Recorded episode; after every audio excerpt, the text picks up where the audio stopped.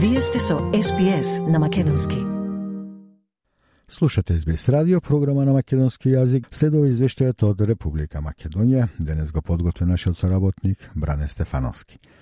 Известува на повеќе теми, меѓу кои за тоа дека вице-премиерот Бојан Маричич вели дека скринингот ќе трае 16 месеци, а тој период ќе се поклопи со измените на Уставот. Лидерот на опозицијата Христијан Мицкоски за медиумите изјави дека македонската страна нема потреба до објаснување за постоењето и автентичноста на македонскиот јазик. Извршниот комитет на ВМРО ДПМН ја прифати иницијативата за референдум по прашањето на отварање на Уставот.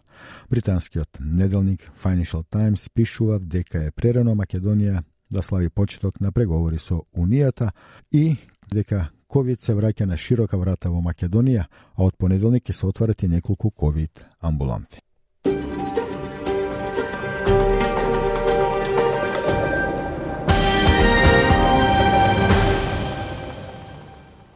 Скринингот во процесот на преговорите со Европската Унија треба да заврши за околу 16 месеци, што е нешто пократок временски период од вообичаеното, бидејќи ние досега имаме поминато дел од објаснувачките активности уште во 2018 и 2019 година. Ова го изјави вице-премиерот за европски прашања Бојан Маричиќ, кој вчера ја презентира временската рамка за скринингот со Европската Унија и објасни дека тоа ќе се одвива во шест кластери.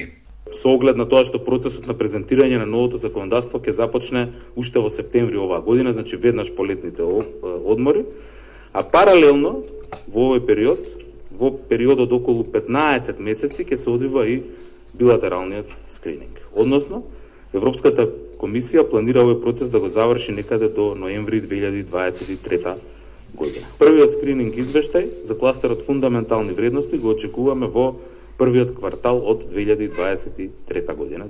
Сепак за првата меѓувладина конференција Европската Унија наведува дека ја почнала фазата на преговори со Македонија, додека кај Албанија стои јасно дека преговорите се почнати. Тоа значи дека Македонија нема да ги почне преговорите се додека не се внесат бугарите во уставот на кој инсистира официјална Софија преку протоколот. Маричиќ вели дека се уште не е утврден кластерот за донесување на измените, но до сега не е јасно и како ќе се обезбеди двотретинско мнозинство во собранието за нивно донесување. Ние се уште немаме утврдено календар или динамика за започнување на уставните измени, но тоа е наша обврска која треба да завршиме до нај, најдоцна до крајот на скринингот. Ние внимателно ќе ги разгледаме околностите, атмосферата, начинот на кој што би го отвориле диалогот во собранието и целта на отварање на уставните измени е тие да бидат да завршат успешно. Маричиќ вели дека овие уставни измени се најлесните досега во содржинска смисла, бидејќи како што вели треба да се додадат неколку заедници на веќе седумте наведени во уставот. Како што истакна вице-премиерот Маричиќ, досега околу 45% од домашното законодавство е усогласено со тоа на Европската Унија. Македонија нема да направи промени, унилатералната изјава за македонскиот јазик е завршена работа, соопштува македонската дипломатија. Иако реакциите за македонската изјава доставена до Брисел не стивнуваат, а Маричич рече дека вчера имало консултации со лингвисти, МНР соопшти дека со изјавата се штити македонската позиција и се осигурува чистиот македонски јазик без додавки и пусноти. Маричич вели. Ги започнавме преговорите онака како што ветивме, со заштитен македонски јазик и идентитет и со јасно дефинирани задачи за идниот период.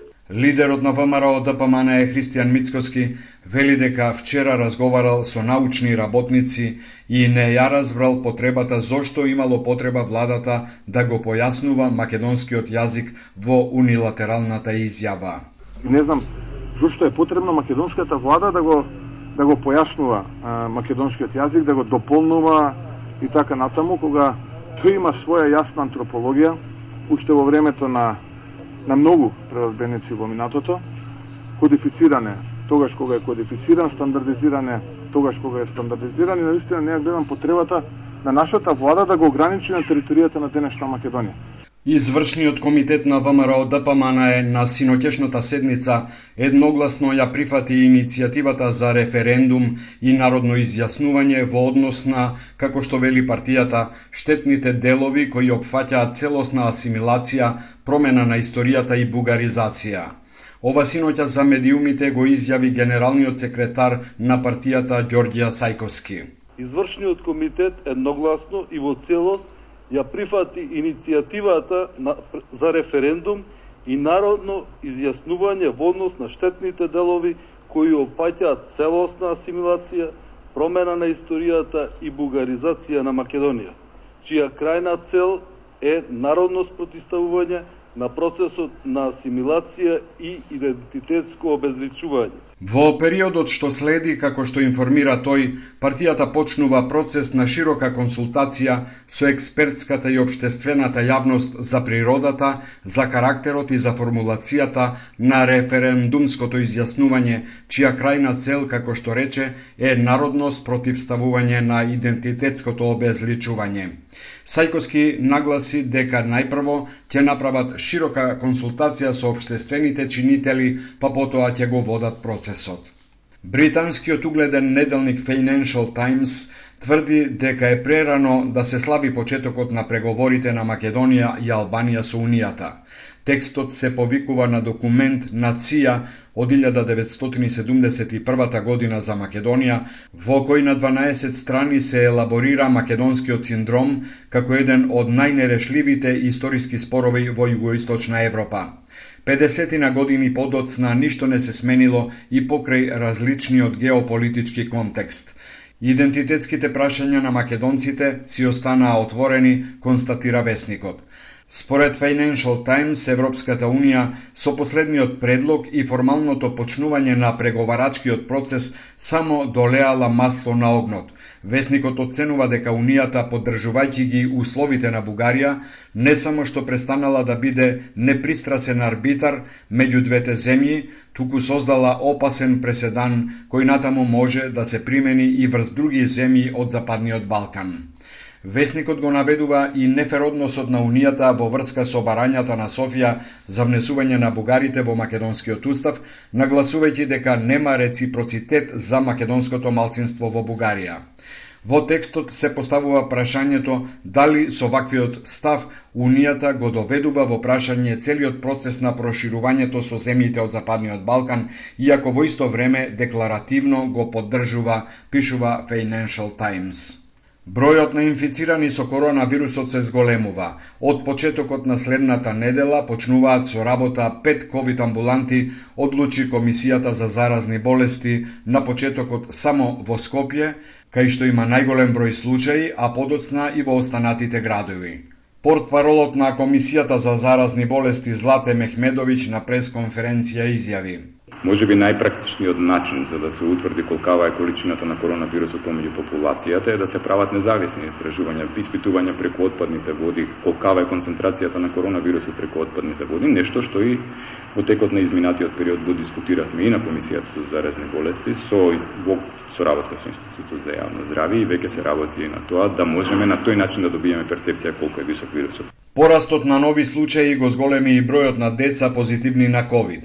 Комисијата вчера информира дека во предходните 24 часа се евидентирани 788 нови случаи и дека од вчера нема град во државава без ковид.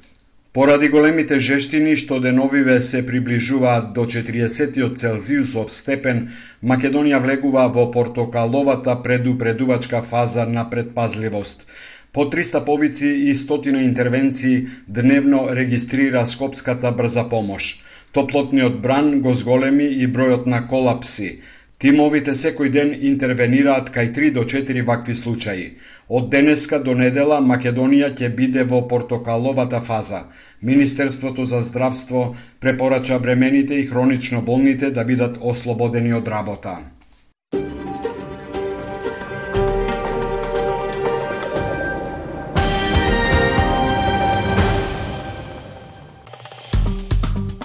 Стиснете, ми се допаѓа, споделете, коментирајте.